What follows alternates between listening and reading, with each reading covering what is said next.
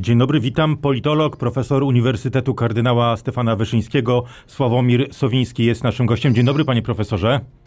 Dzień dobry panie redaktorze, dzień dobry państwu. Panie profesorze, zanim o Tusku i o burzy w Platformie, to najpierw e, mamy zwrot akcji w sprawie wyboru Rzecznika Praw Obywatelskich, bo jak słyszeliśmy, mm, PiS zgłasza kandydata i jest nim profesor Wiącek, czyli kandydat opozycji. Pana zdaniem to kapitulacja PiSu, czy jednak jakaś gra PiSu? Jest jakieś drugie dno w tym? Zanim odpowiem jako politolog, jako obywatel, chcę powiedzieć, że to jest taki dość zaskakujący, dość rzadki, ale przez nas wyglądany, bym powiedział, e, taki rozbłysk światła na pochmurnym niebie polskiej polityki, bo to jest takie oblicze polskiej polityki, jak chcielibyśmy widzieć częściej, polityki racjonalnej, polityki, która szuka najlepszych rozwiązań, która, zgodna, która zdolna jest do e, jakiejś, e, jakiejś ugody, jakiegoś kompromisu. I Tylko co stoi za tą decyzją PiSu, Pana cieszyć. zdaniem? Zanim o tej grze też chcę powiedzieć, to jest też sukces tych, którzy taką politykę próbują uprawiać. Na pewno to jest sukces e, e, prezesa Kośniaka Kamysza i jego, bym powiedział, takiej konsekwencji właśnie w pokazywaniu tego stylu politycznego. Natomiast to nie wyklucza oczywiście, e, ta, bym powiedział, taka szlachetność, zatem też się toczy jakaś polityczna gra. Z punktu widzenia Prawa i Sprawiedliwości taka dość nagła, bym powiedział, no, taki dość nagły zwrot. Y, myślę, że w tej sprawie po, pier po pierwsze związany jest z tym kongresem, który ma się odbyć jutro, z tym kongresem, na który Prawo i Sprawiedliwość bardzo liczyło, bo to miał być taki kongres pokazujący siłę, zwartość, taką energię e, e, tej, tej partii, takie nowe jej polityczne otwarcie. To już widzimy wyraźnie, nie bardzo się udaje, bo i Polski Ład, że tak powiem, nie spotkał się z jakimś takim entuzjastycznym przyjęciem w sondażach i PiS ma cały szereg innych problemów, o których codziennie mówimy. I myślę, że dzisiaj to jest taki sygnał, my też jesteśmy konsyliarni, my też jesteśmy otwarci, my też myślimy o państwie w sposób ponadpartyjny ze strony, ze strony PiSu.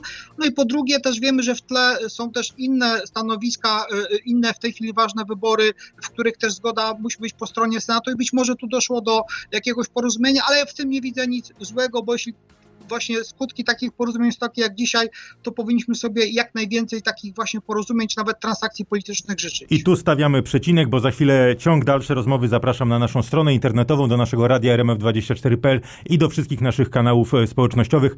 Tam rozmawiamy z, z panem profesorem e, Sowińskim. Zapraszam.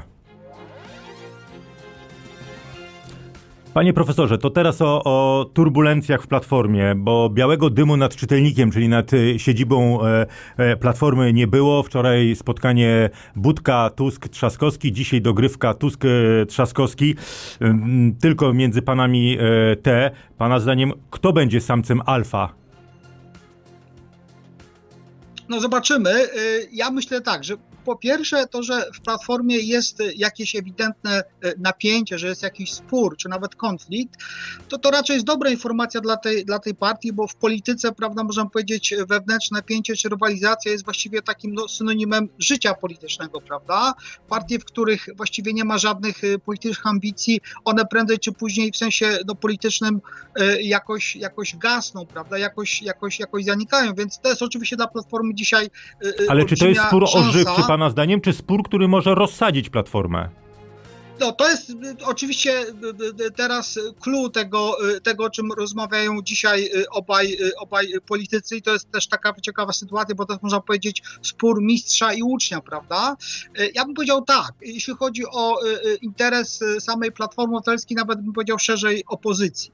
Jasne jest dla mnie, że przyszłość i Platformy Obywatelskiej i opozycji należy zdecydowanie bardziej do pokolenia Rafała Trzaskowskiego, czy nie wiem, właśnie prezesa Kośniaka-Kamysza, czy Krzysztofa Bosaka, niż do pokolenia Donalda Tuska. Natomiast dziś i jutro, czyli w perspektywie kilku, kilkunastu miesięcy, wydaje mi się, że zdecydowanie z punktu widzenia Platformy, ale też szerzej opozycji, jednak korzystniejszy byłby y, wariant czy scenariusz, w której, jakby to powiedzieć, stery w Platformie przejąłby y, Donald Tusk. Oczywiście w jakiś sposób układając się z y, samym Rafałem Trzaskowskim. Ja myślę, że dzisiaj dyskusja dotyczy raczej tego, jakie stworzyć właśnie gwarancje w tym układzie rządzenia przez Donalda Tuska, gwarancje dla, dla, dla, dla Rafała Trzaskowskiego, żeby nie powtórzyła się sytuacja z początku Platformy, bo tam na początku też pamiętamy, prawda, było trzech tenorów i był I to zawsze kończy się, że zostaje tylko na scenie Donald Tusk. Prawda, właśnie, a na końcu skończyło się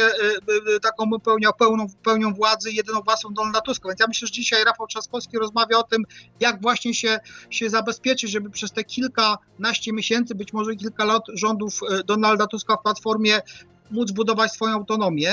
Ale jak pana Ale zdaniem to powinny być poukładane te puzzle, te relacje między Trzaskowskim i, i, i, i Tuskiem? Pana zdaniem Trzaskowski powinien odpuścić, ustąpić pola e, Tuskowi i dogadać się co za rok, co za dwa, co się dzieje ja po myślę, wyborach? Że, ja myślę, że tutaj zawsze, że tak powiem, tak, taką przestrzenią układania się jest z jednej strony czas, z drugiej przestrzeń, prawda? To znaczy, jeśli chodzi o czas, to tu właśnie jest, myślę, pewien, pewien, pewien kalendarz, yy, yy, który sobie trzeba jakoś właśnie uzgodnić. Myślę, że te kilkanaście najbliższych miesięcy to jednak y, one powinny należeć do, do, do Donalda Tuska, natomiast z drugiej strony to jest kwestia y, przestrzeni, czyli y, aktywności politycznej, czyli no powiedzmy wpływu na różne, różne stanowiska, to jest kwestia obsadzenia zarządów, to jest też kwestia na przykład kalendarza wyborczego w Platformie. To jest pytanie o to, czy na przykład wybory przewodniczącego, które muszą być zgodnie z, ze statusem Platformy y, powszechnej, czy odbędą się jesienią, prawda, czy Donald Tusk będzie rządził y, pełniąc obowiązki przewodniczącego. To są wszystko kwestie y, techniczne, które mają, jak sądzę, dać na końcu Rafałowi Trzaskowskiemu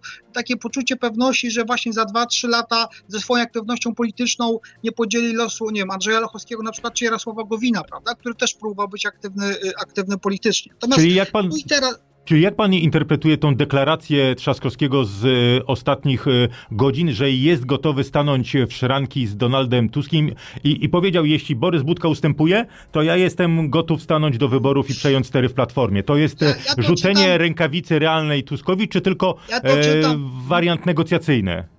Ja myślę, to jest jednak, ja to czytam przynajmniej jako wariant negocjacyjny yy, yy, i takie właśnie jakby budowanie swojego stanowiska w, w, w, negocjacjach, dlatego że no, próbuję sobie wyobrazić sytuację, w której to ostatecznie Rafał Trzaskowski dzisiaj, prawda, bierze wszystko i Donald Tusk wycofuje się jakby z tej, z tej swojej gotowości, nie dochodzi do porozumienia, no to byłby dla Platformy moim zdaniem no, bardzo politycznie kosztowne, bo są już, prawda, pewne nadzieje, e, rozbudzone. A co więcej, jakby dla całej opozycji ta sytuacja, e, w której to dzisiaj Rafał Trzaskowski zostaje liderem Platformy, oznaczałaby przedłużanie się takiego stanu, ja bym powiedział, wewnętrznej e, kakofonii, wewnętrznego takiego wielogłosu, który nie składa się w pewną symfonię, bo opozycja jest znacznie bardziej zróżnicowana, jeśli chodzi o elektorat od obozu władzy, prawda? Po stronie opozycji są i wyborcy lewicowi, i konserwatywni, liberalni i opozycja potrzebuje takiego dyrygenta, który różne chóry, które tam muszą grać, prawda, ułoży w pewną orkiestrę, orkiestrę, która no, być może nie stworzy symfonii, ale przynajmniej nie będzie się zagłuszała, prawda, orkiestrę, którą na przykład być może stworzą dwa albo trzy takie bloki, blok bardziej lewicowy, czy blok bardziej taki y, centrowy. I teraz y, kiedy to się może pojawić, ten efekt, ja bym powiedział, takiej synergii, czy takiej, takiego wspólnego koncertu po stronie opozycji, rozpisanego na różne głosy, no kiedy się pojawi jakiś dyrygent, czyli jakiś jeden polityk, co do którego będzie wiadomo, że on jest dzisiaj najsilniejszy, najważniejszy, nikt nie będzie miał co do tego wątpliwości. No, pytanie tylko właśnie, sytuacji... czy, pytanie tylko, czy na opozycji e, wejście Tuska spowodowałoby, że wszyscy uznaliby, że to jest ten dyrygent, jak pan mówi, to jest ten znaczy, e, e, znaczy... mąż opatrznościowy dla opozycji do czasów wyborów to nie jest kwestia bycia mężem opatrznościowym, bo taką rolę, o której teraz mówię, trochę odegrał w roku 2017 czy 2018 Grzegorz Schetyna. Przy wszystkich błędach, które wtedy popełnił, udało mu się jednak ta rola tego w pewnym sensie dyrygenta, prawda? E, I to nie jest kwestia bycia mężem opatrznościowym, tylko to jest kwestia pewnego potencjału politycznego. Ja myślę, że z całym szacunkiem dla, dla Rafała Trzaskowskiego i też e, właśnie tak myśląc o tym, że on ma przed sobą pewną przyszłość, to on dzisiaj nie byłby chyba jeszcze takim partnerem dla Szymona Hołowni, dla Władysława Władysława Kośniaka-Kamysza czy, czy, czy dla e, Włodzimierza Czarzastego, prawda, który mógłby im e, jakby zaproponować e, właśnie jako pewien dyrygent, prawda, jakieś, jakiś wspólny scenariusz. Natomiast Natomiast Donald Tusk, mówiąc tak kolokwialnie, ma na to papiery, ma na to doświadczenie, ma na to, bym powiedział, też taki mandat polityka europejskiego. I w tym sensie powiem tak, że powtórzę, o ile przyszłość Platformy i opozycji i w ogóle przyszłość polskiej polityki. Należy do pokolenia Krzysztofa Bosaka, Rafała Trzaskowskiego, Władysława Kośniaka-Kamysza, to dziś i jutro polskiej polityki ciągle chyba należy do Donalda Tuska i Jarosława Kaczyńskiego. Jakkolwiek by nam się to podobało albo nie, no ale takie są realia wodowskiego stylu polskiej polityki, który został właściwie, tak można powiedzieć, ugruntowany po roku 2005. Bo i Donald Tusk, i Jarosław Kaczyński zrobili bardzo, bardzo wiele, żeby pod ich skrzydłami no, nie rozwinęły się różne polityczne indywidualności, żeby pod ich skrzydłami nie powstali właśnie tacy liderzy, którzy będą mogli dzisiaj przejąć władzę. Tylko I pytanie, panie profesorze, czy, czy... gotowe na, na oddanie tej władzy. Tylko pytanie, panie profesorze, czy ten w, takim, w takiej perspektywie bardzo krótkoterminowej, jeśli Tusk zostałby liderem Platformy, czy pierwszą ofiarą e, powrotu Tuska e, nie, byłoby, nie byłby ruch e, Szymona Hołowni, bo to, co musi zrobić nowy lider Platformy, to odzyskać e, pozycję lidera opozycji, która teraz jest zachwiana. Sondaże pokazują, że no tak. Platforma jest nawet za plecami Szymona Hołowni, więc pytanie, czy Tusk nie będzie musiał najpierw rzucić się do gardła Szymonowi Hołowni? ja bym czytał to szerzej, nie w, nie w konwencji takich jakby osobistych jakichś, jakichś pojedynków, tylko bardziej systemowo. Znaczy, jeśli byłoby tak, że na to wszystko wskazuje, że e, w sobotę PiS e, swoim prezesem ponownie wybierze e, Jarosława Kaczyńskiego, a Platforma powita na swoim mostku kapitańskim Donalda Tuska, no to to będzie oczywiście oznaczało powrót duopolu politycznego, prawda? To będzie oczywiście oznaczało powrót polityki do tych kolejnych dwóch wielkich partii politycznych, no i w tym kontekście wszystkie, można powiedzieć, mniejsze partie polityczne będą miały znacznie bardziej podgórkę niż, niż jeszcze 2-3 tygodnie temu, prawda? I Szymon Hołownia z jednej strony e, i w jakimś sensie być może PSL e, i e, na pewno Lewica i także Konfederacja, która ma się całkiem, całkiem nieźle. No i teraz to na, na, pewno będzie też jakby skłaniało, myślę, te mniejsze partie polityczne, powrót tego duopolu, jednak do wchodzenia w jakiś rodzaj, ja bym powiedział, takich no, politycznych, właśnie nie sojuszy, bo to jest złe słowo, ale jakiś, jakiś federacji, prawda, w ramach których na przykład Szymon Hołownia będzie mógł zachować jakąś swoją, jakąś swoją podmiotowość, ale jednak, prawda, w jakiejś formie współpracy z, na przykład z Platformą, czy, czy, czy także z PSL-em, być może taki układ stworzyłby też e, pewne miejsce dla, dla, dla lewicy, która miałaby tam wtedy swoją przestrzeń na te 8 czy 10 punktów procentowych.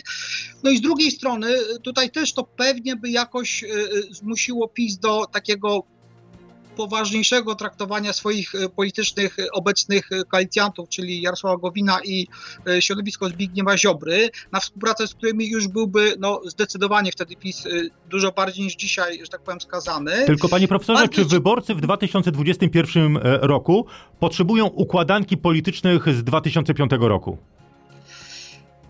No, o tym się, o tym się pewnie przekonamy za, za chwilę w sondażach, ale ja myślę, że wyborcy oczekują y, jakiegoś takiego stabilnego, w miarę klarownego y, y, oblicza polskiej polityki, w miarę klarownej struktury politycznej, która też będzie oddawała takie, bym powiedział, realne podziały społeczne. Ja, ja, ja tu się zgadzam z panem redaktorem, że w tej chwili z podstawowych takich podziałów społecznych, których nas dzieli, to już nawet nie jest ten podział miasto-wieś, tylko to jest podział coraz bardziej pokoleniowy, prawda? Zgadzam się z tym, że jest coraz więcej młodych wyborców, prawda, dla których Donald Tusk i Jarosław Kaczyński to jest po prostu historia.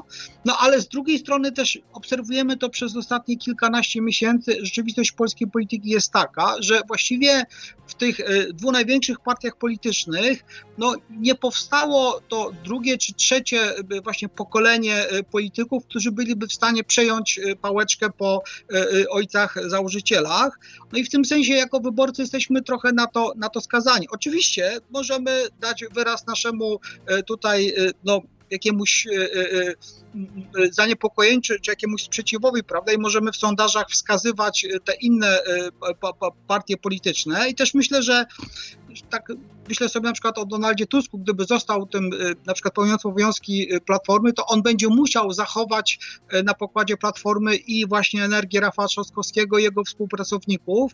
No i także widzimy wyraźnie, że Jarosław Kaczyński, prawda, dzisiaj jest coraz bardziej skazany, chce tego czy nie, jednak na współpracę z środowiskiem Jarosława Gowina czy Zbigniewa Ziobry i być może też będzie jakaś próba, jakby to powiedzieć, szukania jakiegoś zbliżenia z Konfederacją, która ma bardzo, bardzo ciekawy w tej chwili pomysł polityczny, Konfederacją, która w niektórych sondażach ma 10% i Konfederacją, której dobry wynik właściwie zamyka PiSowi drogę do władzy. A więc myślę, że, że ci starsi politycy, politycy z tego właśnie starszego pokolenia będą skazani na współpracę z tymi młodszymi, ale właśnie ten, ten, ten weekend, wracam do, do pierwszej myśli, no być może będzie ostatnią taką jeszcze próbą zrekonstruowania się tego, tego starego podziału politycznego. A czy pan mm, zna odpowiedź na pytanie, po co to wszystko Tuskowi? Po co wraca? Jaki on ma pomysł?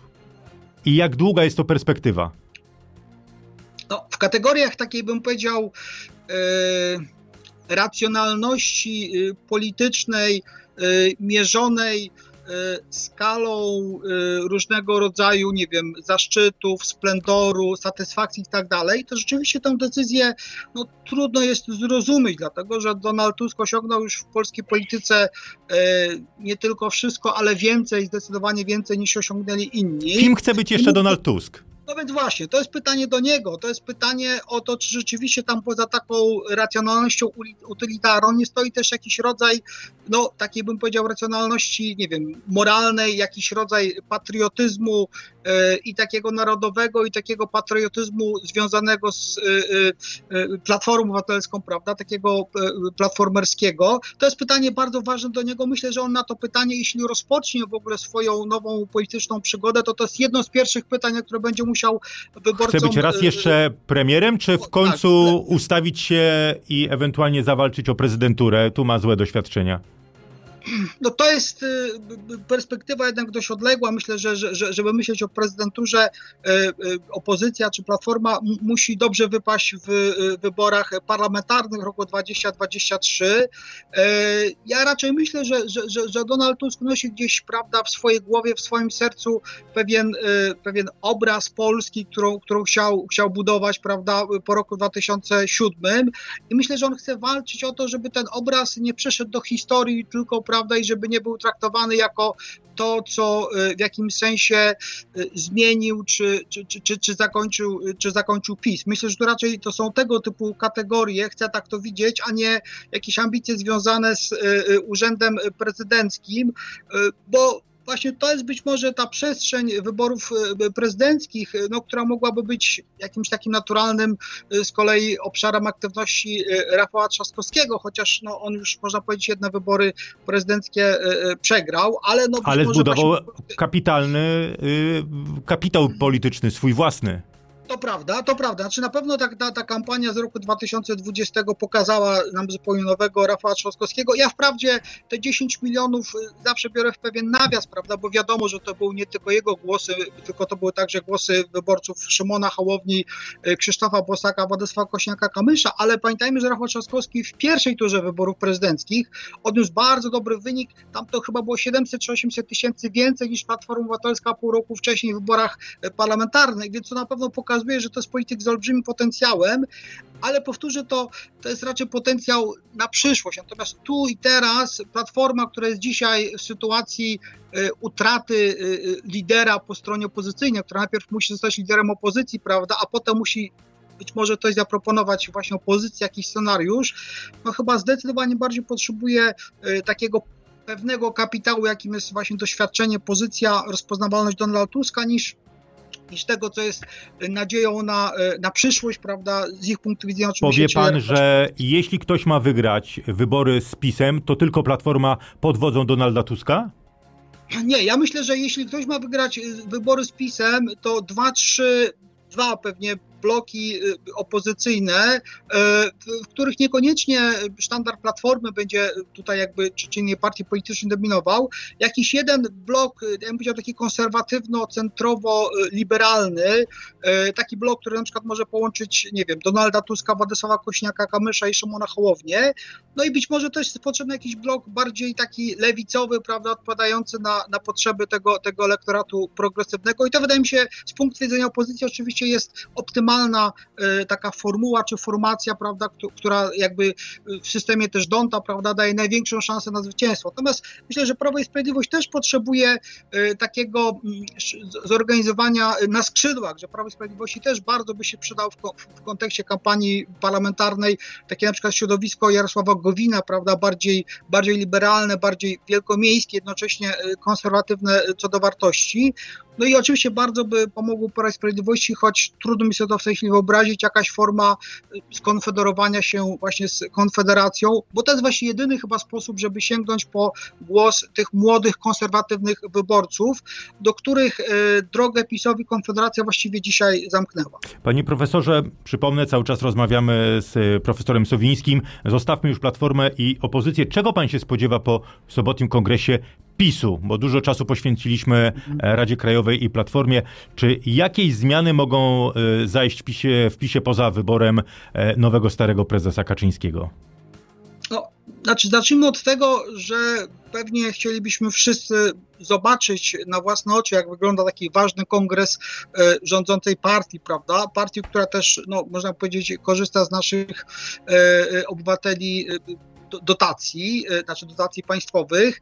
E, gdzieś słyszałem, że za dużo tych, tych takich bezpośrednich, e, że tak powiem, transmisji nie będzie. No, chciałbym, żeby, że, chciałbym się mylić, chciałbym, żebyśmy to mogli wszyscy zobaczyć na własne oczy. Natomiast czego się spodziewam? No po pierwsze, myślę, to będzie jednak taka próba trochę y, no, gdzieś szarpnięcia y, y, takimi politycznymi cuglami, prawda? I no, takiego jednak pokazania pewnych, pewnych granic politykom PiSu w korzystaniu z różnych, prawda, benefitów związanych z, polityką. I myślę, że to będzie bardzo mocno akcentowane, że PiS jakby próbuje się samo ograniczać. To po pierwsze. Po drugie, to będzie też chyba no, jakaś taka próba wewnętrznej, wewnętrznej terapii, jednak zobaczenia pewnych błędów, prawda? Jednak próba rozpoznania tego, dlaczego e, na przykład Polski Ład no, nie dał PiSowi takiego efektu wzrostu sondaży, na które, na które się spodziewano. To będzie próba zobaczenia, na czym polega ten szklany sufit, który dzisiaj wisi nad partią rządzącą. A to może być kongres dużo... namaszczający Mateusza Morawieckiego? No tak, do tego, do tego zmierzam. No i oczywiście ta chyba najważniejsza decyzja polityczna, która tam będzie podjęta, to nie jest wybór z całym szacunkiem oczywiście dla prezesa, bo, bo to jest osoba najważniejsza, ale tu chyba nie ma wątpliwości, kto prezesem będzie. Natomiast bardzo kluczowe jest, e, jakie poparcie otrzyma e, Mateusz Morawiecki. Właśnie to policzenie szabel Mateusza Morawieckiego, e, to wydaje mi się jest jakby z punktu widzenia takiej polityki realnej, być może najważniejsza sprawa na tym, na tym zjeździe, dlatego że możemy się domyślać, że w PiSie, tak jak w innych partiach politycznych są różne środowiska polityczne, prawda, jest tak zwany zakon, czyli politycy y, porozumienia centrum, prawda, są y, zwolennicy y, premier Baty Szydło, którzy nie byli najszczęśliwsi i chyba do dzisiaj nie rozumieją, dlaczego w roku 2017, kiedy PiS, można powiedzieć, szybował w sondażach, nagle ich pani premier, pani została prawda, przestała być no właśnie, oni się tego do dzisiaj nie rozumieją i też nie są przekonani, prawda, że, że ta zmiana była pozytywna. E, są też pewnie inne środowiska, być może takie bardziej, bardziej konserwatywne. I teraz pytanie, no właśnie, jak, jak oni wszyscy reagują na, na, na, na, na premiera Morawieckiego? Myślę, że to głosowanie właśnie, to wotum zaufania do premiera Morawieckiego pokaże nam tak naprawdę taki wewnętrzny obraz dzisiaj Prawa i Sprawiedliwości. Stąd z tego punktu widzenia to jest bardzo ważne i bardzo, y, bardzo ciekawe. I no właśnie, czy premier Morawiecki stanie się człowiekiem numer dwa już e, formalnie w e, PiSie? No to jest tutaj właśnie analogicznie problem trochę jak z, jak z Platformą Obywatelską, prawda? To jest problem następcy, to jest, to jest ten problem, czy, czy władzę można komuś przekazać, przekazać. czy kogoś można Trzeba ją sobie wziąć. prawda? Czy trzeba o nią po prostu walczyć, nie? I to y, no tutaj sytuacja w Platformie dość wyraźnie pokazuje, że namaszczenie nie jest najbardziej takim skutecznym sposobem przekazywania tej prawdziwej, e, tej prawdziwej władzy i że to właśnie walka o władzę jest... E, A Mateusz Morawiecki nie jest uznawany za, e, nie jest zbyt popularny w, w środowisku lokalnym no tak, PiSu. Tak, to nie jest człowiek z wewnątrz prawda, ale chyba też nie ma takiej przestrzeni w tej chwili, w, ja bym powiedział, takiej demokracji wewnątrzpartyjnej, prawda, w której Mateusz Morawiecki mógłby stanąć na ubitym gruncie takiej politycznej, bym powiedział, zdrowej rywalizacji i stoczyć walkę z jakimś y, kontrkandydatem. Na to w ogóle nie ma miejsca, albo, albo przynajmniej nie, nie widzimy tego, prawda? I, I to jest też pewien, pewien problem, za który być może Prawa Sprawiedliwość zapłaci jakiś rachunek za jakiś czas, tak jak ten rachunek płaciła Platforma po odejściu dość takim nagłym, zaskakującym do Brukseli premier premiera, premiera Tuska. Jedno tylko jeszcze zdanie, tam ważne też będą zmiany strukturalne, bo mówi się o tym, prawda, że ma być wybranych, e, o ile dobrze pamiętam, 100 takich e, e, lokalnych rzeczników, partii, którzy będą w pewnym sensie różnego rodzaju lokalne ambicje polityczne no, korygowali. To bardzo, bardzo złożona, bym powiedział, struktura, pewien, pewien eksperyment, warto się mu przyglądać.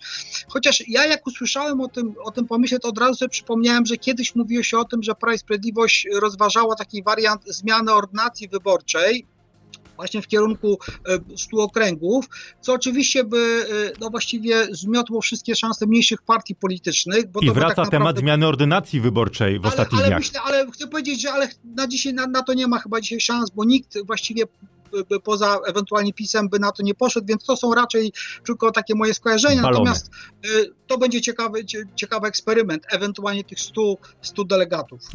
I tu stawiamy kropkę. Profesor Sławomir Sowiński był naszym gościem. Dziękuję pięknie, panie profesorze. I obserwujemy bardzo, sobotnie dobrego weekendu oba wszystkim. kongresy i zjazdy. Dziękuję pięknie, pozdrawiam. Do widzenia.